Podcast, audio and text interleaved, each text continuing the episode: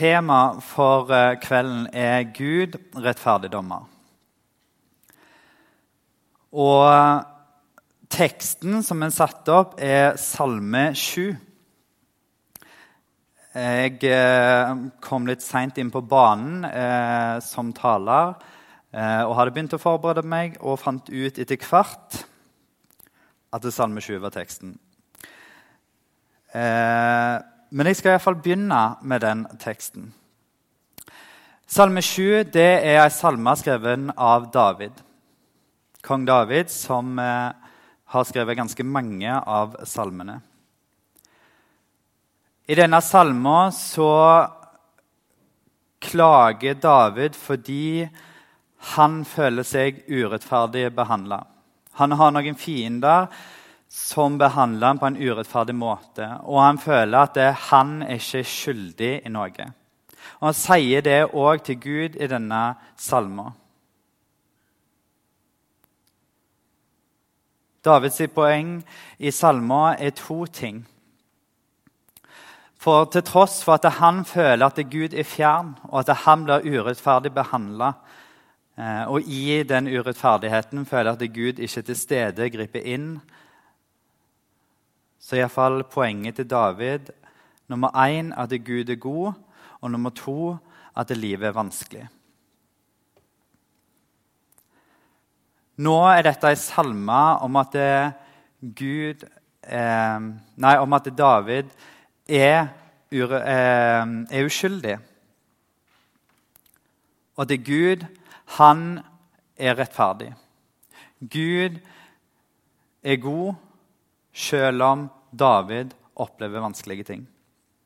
Salme 7, vers eh, 12. Gud er en rettferdig dommer og en Gud som har vred hver dag. Selv om at David føler at Gud er langt vekke, at Gud er fjern, og at Gud ikke er til stede i den vanskelige situasjonen, så er Gud en rettferdig dommer og han er vred hver dag. David har tro på at Gud kommer til å straffe de som er urettferdige.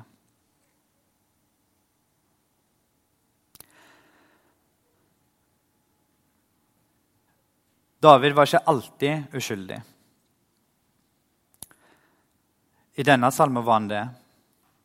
Men hvis vi leser Salme 51 så kan du lese ei lang salme med mange vers hvor David bretter ut om livet sitt, og hvor han kommer med en lang bekjennelse.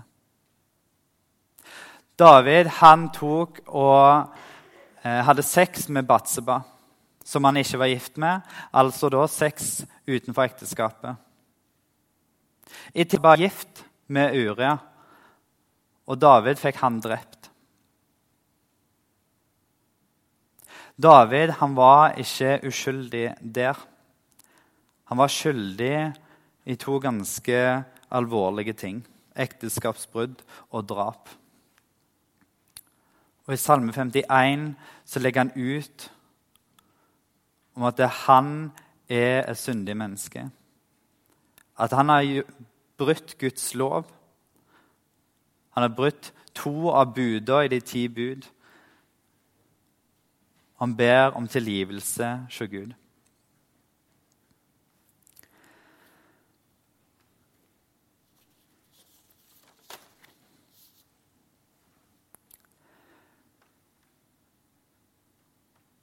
I Gamle testamentet så er det eh, møte med bl.a. israelsfolket når de er ute i ørkenen. Når de har rømt fra Egypt og er på vei til det lovede landet. Ute i denne situasjonen så etter hvert så får israelsfolket eh, noe som heter tabernaklet. Tabernaklet, eller eh, det som kanskje noen har hørt om, tempelet som blir bygd seinere. Men tabernaklet det var et telt som de hadde, så de reiste opp, pakket ned når de gikk videre.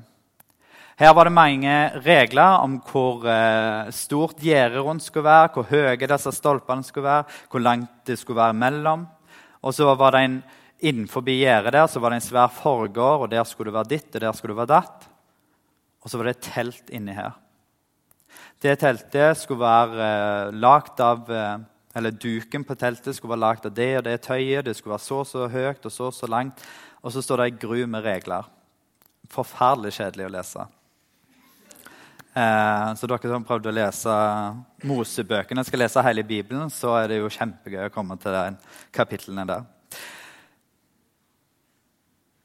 Men det er en ting i den kjedsomheten da, når du leser det. Fordi dette er ikke bare et telt. Her skal det være skikkelig, fordi dette tabernaklet er der hvor Gud er. Og en gang i året så skulle de gjør offer inne i dette teltet. Teltet var et inndelt sånn at det var et hellig rom. Det står at det ble kalt det hellige, og så var det et innertelt som ble kalt det aller helligste.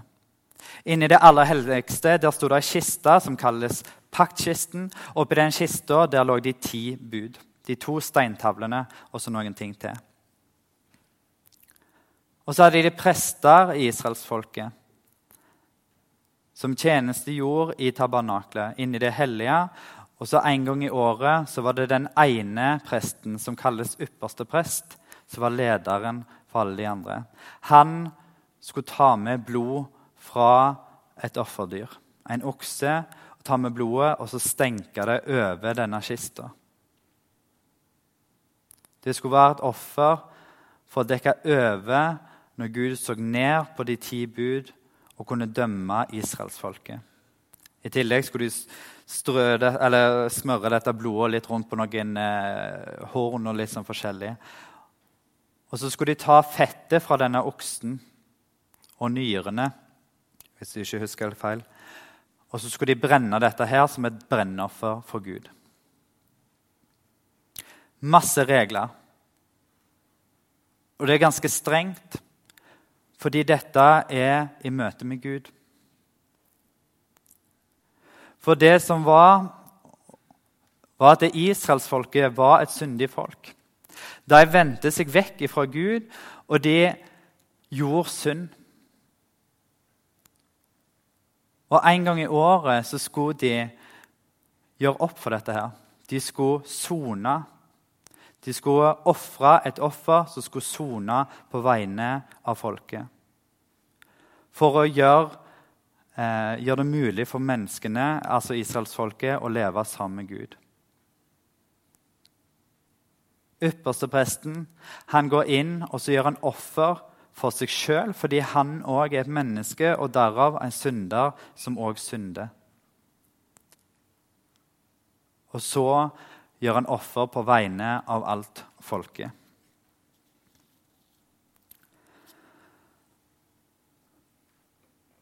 Hvorfor tar jeg fram tabernaklet og Det gamle testamentet? Israelsfolket det var syndige folk. Og det at et menneske er synder, det har ikke endra seg etter det. Jeg og du er òg syndere. Det betyr at jeg og du har noe ibuende i oss som ønsker å gjøre et opprør mot Gud, som ikke ønsker å følge Guds lov. At vi har noe i oss som ikke ønsker å ha noe med Gud å gjøre i det hele tatt. i Romerne 3, vers 10.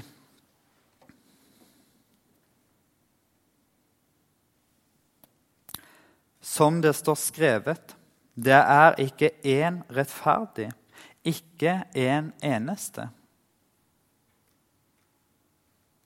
Altså, Hvis jeg og du skal høre på det Bibelen har å si, så sier den at det uansett hvor god vi er til å gå på møte, eller hvor flinke vi er på studiet, eller hvor flink du er til å studere teologi.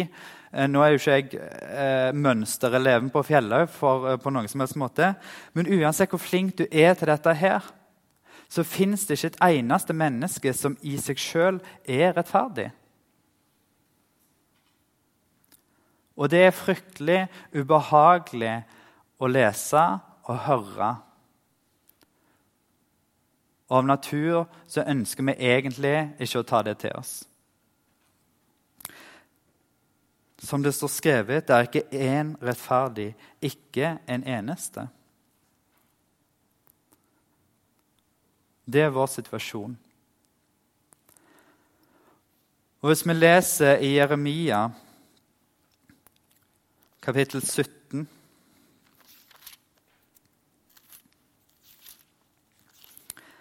Jeremia kapittel 17, vers 9-10. Svikefullt av hjertet, mer enn noe annet. Ubotelig sykt er det. Hvem kjenner det? Jeg, Herren, ransaker hjertet og prøver nyrer. Jeg gir enhver etter hans ferd, etter frukten av hans gjerninger.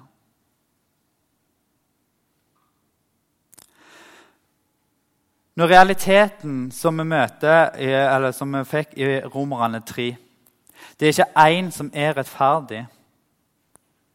Ikke en eneste. Og så kommer et vers og forteller at Gud han er den som ransaker hjertet og ransaker nyrene. Hjertet og nyrene er brukt her for å prøve å forklare at det går på alt som er innvendig. Tankene våre, sinnet vårt, det vi er i oss sjøl. Det indre nyrene. Altså, Han ser rett gjennom oss. Han er ikke som en politi som kommer og ransaker eh, en eller annen kjeltring eller ja, og sjekker liksom eh, jakker og lommer og bukser og hele pakka. Jeg vet ikke hvor nøye de kan sjekke. Men en politi klarer ikke å sjekke så godt som Gud gjør. For Gud han ser rett gjennom. Og når det står svikefullt av hjertet. Hjertet vårt er svikefullt. Vi svikter i hjertet vårt, i tankene våre, i sinnet vårt. Hvem kjenner det? Og så kommer Gud og sier, 'Jeg, Herren, ransaker hjertet og prøver nyrer'.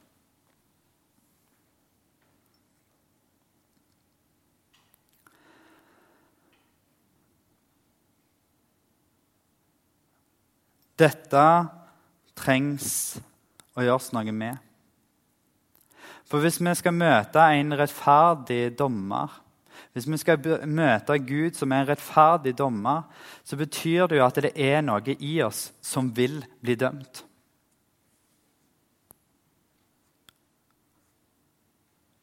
Tar vi bildet til rettssalen, så kan det jo være noen mennesker som eh, altså Si en person som har kjørt forferdelig for fort. Han kan være en kjempegod person. Ja, jeg sier han, for det er jo ofte vi som kjører fortest. Eh, han kan være en forferdelig god person. Det kan være en voksen mann som er en kjærlig far og en god ektemann, men som kjørte altfor fort for å rekke jobb eller eh, rekke middag. eller et eller annet. Og da, Med en gang det er noe gale å dømme der, så må det òg gis en straff for det. Det altså, Samme hvor gode vi er på, på den gode sida Når det er noe å dømme i hjertet, når det er noe svikefullt i hjertene våre, så vil det få konsekvenser.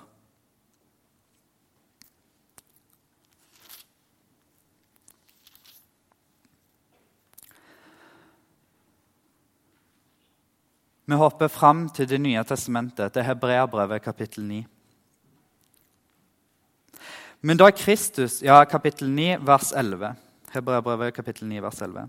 Men da Kristus kom som ypperste prest for de goder som skulle komme, gikk han gjennom det teltet som er større og mer fullkommen, som ikke er gjort av hender, dvs. Si, som ikke er av denne skapning ikke med blod av bukker og kalver, men med sitt eget blod gikk han inn i helligdommen en gang for alle og fant en evig forløsning.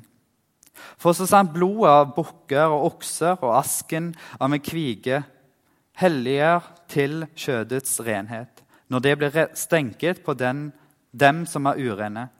Hvor mye mer skal da Kristi blod, han som i kraft av en evig ånd bar seg selv fram for Gud som et lyteløst offer, rense våre samvittigheter fra døde gjerninger, så vi kan tjene den levende Gud. Derfor er han mellommann for en ny pakt, for at de som er kalt, skal få den evige arven som er lovet etter at det har funnet sted en død til forløsning fra overtredelsene under den første pakt. I Det gamle testamentet så fikk de disse enorme reglene som vi leser om i Mosebøkene. Og Det skulle være sånn og sånn og sånn, og det var strengt. Sånn skulle det være. Sånn måtte det være. For dette var Gud. Dette gjaldt Gud. I hebreerbrevet så får Eh, så forteller forfatteren av brevbrevet at tabernaklet i den første pakt, altså før Jesus kom, det var nødvendig. Det måtte være sånn. Men det var ikke en fullkommen pakt, eller det var ikke noe som, som klarte å fylle alle kriteriene. Denne ypperste presten som gikk inn i det aller helligste. Han ofra først for seg sjøl og så for alle andre. Hebreerbrevet forteller at det tabernaklet var et forbilde eller bilde på det Jesus gjorde. Når Jesus gikk på korset og døde på korset, så gikk han inn i tabernaklet, det usynlige og det sanne tabernakel. Og Da gikk han inn i det aller helligste der og så ber han ikke fram offer eller blod og, og fett fra en okse. Men han som ypperste prest går inn, og så gir han seg sjøl.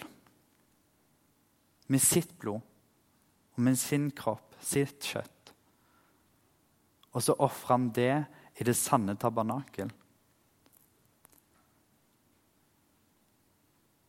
Det gjorde Jesus i døden. Ikke, ikke med blod av bukker og kalver, men med sitt eget blod gikk han inn i helligdommen en gang for alle og fant en evig forløsning. Yppersteprestene som var i Gamle testamentet, de hadde sin rolle fram til de døde. og Så ble det utnevnt en ny en, og så hadde den rollen fram til han døde. Jesus som yppersteprest, han gikk i døden, og så sto han opp igjen. Og Jesus lever evig. Når Jesus lever evig og er ypperste prest, så har han sin rolle som ypperste prest en evig virkning. Det er en rolle som ikke tar slutt. Og så står det han gikk inn i helligdommen én gang for alle. Det var ikke sånn som i Gamle testamentet, hvor de år etter år etter år på den ene dagen som kalles forsoningsdagen, eller Jung Kippur, Eh, eller Kippur, alt etter tonefall. Eh, de måtte gå inn én gang i året og ofre. Jesus han gikk inn én gang for alle. Og så fant han, eller vant, en evig forløsning.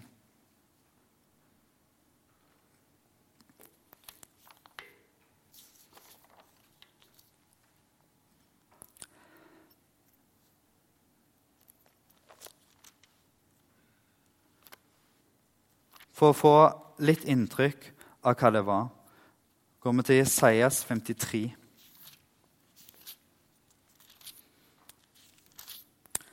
Jesajas 53 eh, Nå var det Jeremia, ja.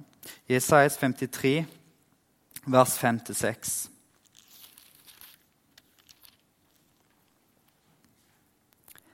Men han ble såret for våre overtredelser knust for våre misgjerninger. Straffen lå på ham for at vi skulle ha fred, og ved hans sår har vi fått legedom. Vi får alle vill som får, vi vendte oss hver til sin vei. Men Herren lot den skyld som lå på oss alle, ramme ham.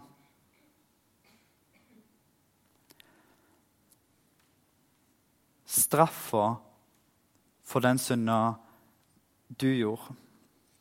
Og straffa for den synda jeg har gjort. den ble lagt på Jesus. Han ble straffa for våre overtredelser når vi går over grensa.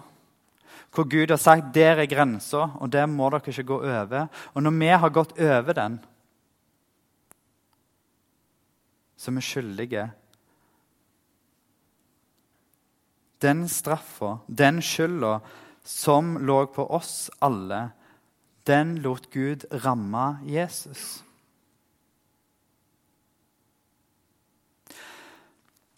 For den som tror på Jesus, så er realiteten det at vi er syndere, og vi fortsetter å synde. Men den som er i Jesus, den har ikke lenger noe på seg i møte med Gud. For den som tror på Jesus, den som har tatt imot Jesus som Herre og Frelser, den kommer og møter Gud sammen med Jesus. Og når Gud da ser på våre liv Jeg har tatt straffa for deg. Jeg har tatt straffa for nettopp deg. Jeg ble knust for dine misgjerninger. Straffa som du skulle ha, den ble lagt på meg.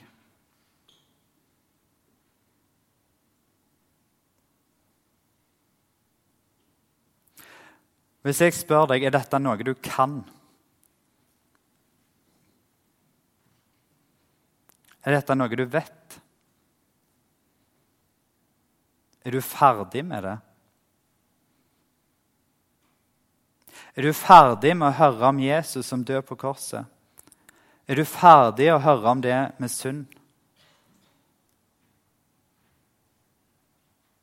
For Gud er ikke ferdig med det. Jesus er ikke ferdig med det. Jesus han ser, og Gud ser gjennom hjertet, gjennom nyrene. Han ser inn i tankene mine og dine. Og så ser han at vi igjen og igjen faller i synd. Vi går for de fristelsene. Det betyr jo at det er noe pågående i livet vårt som vi faktisk egentlig ikke blir ferdig med. Og hvis en skal tro på Bibelen, så blir en faktisk ikke ferdig med det før vi dør.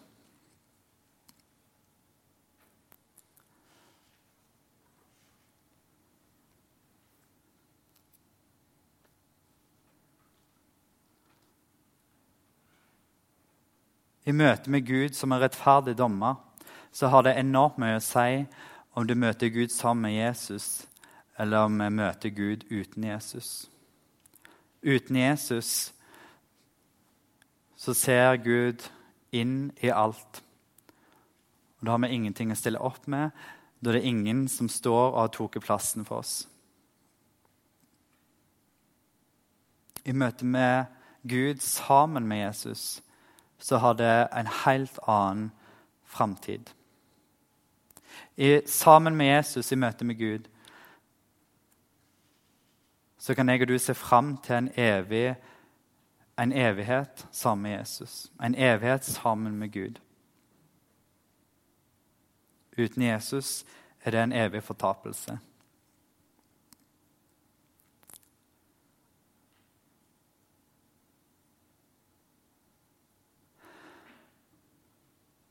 En utfordring når en snakker om dette her, er at noen går og kverner og kverner og tenker og tenker og kjenner òg på mye skam. Kjenner på skyldighet og tenker jeg kan ikke komme og møte Gud sånn som jeg er. Jeg kan ikke be om tilgivelse, for jeg er ikke ferdig med den synda. Men klarer du å bli ferdig med synda?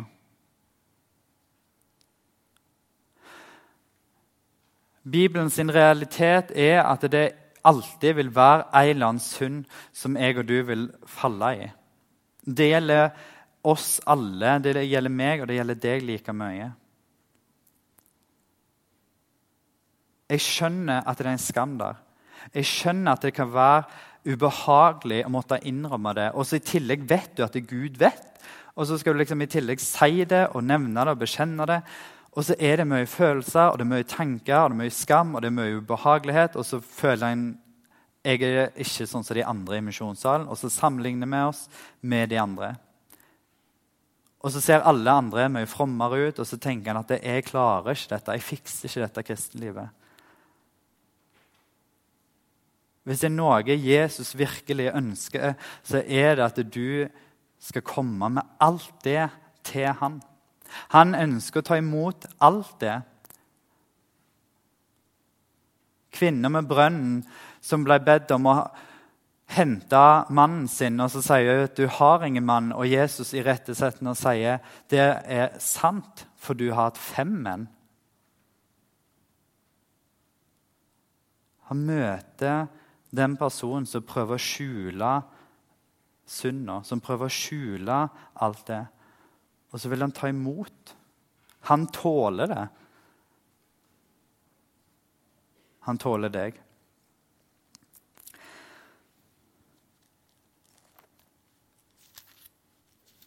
I livet som kristen så er ikke Jesus bare frelser.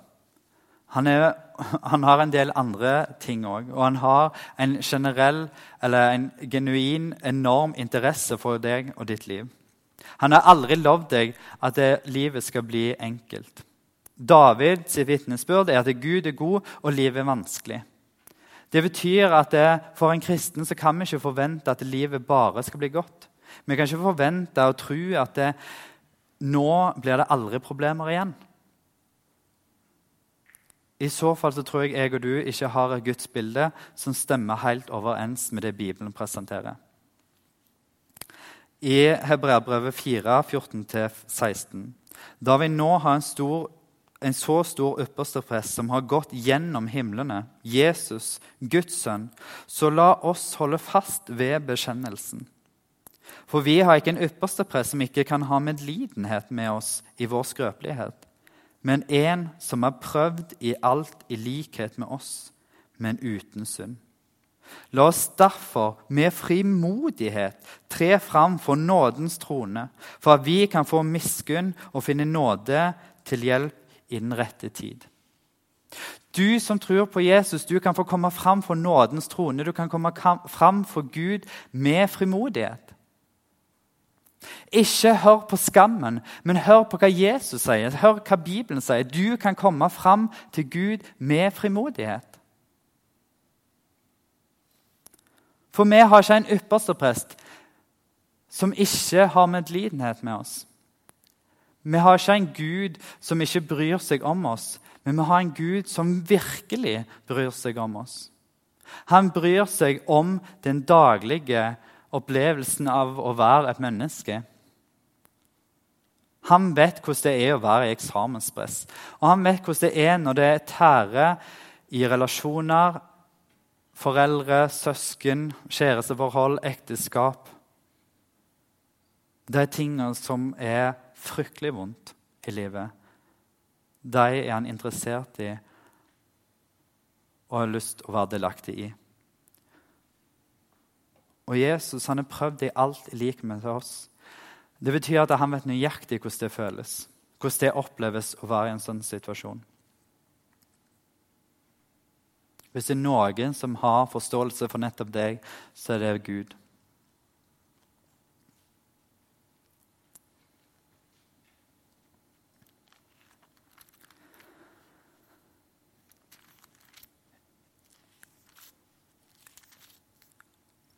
Gud er en rettferdig dommer. Uten Jesus så betyr det veldig mye vondt.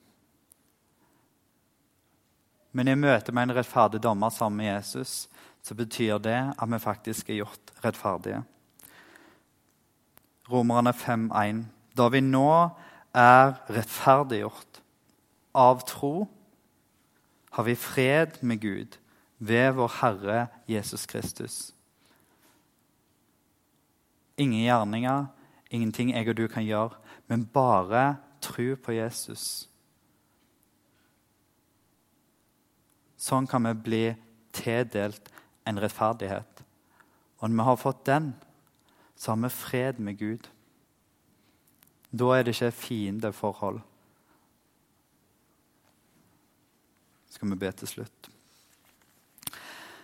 Kjære himmelske Far, jeg vil takke deg for din nåde og tilgivelse. Takk, Far, for at du kjenner oss og ser oss. Og du ser tanker, følelser, bagasje som hver enkelt her har i livet.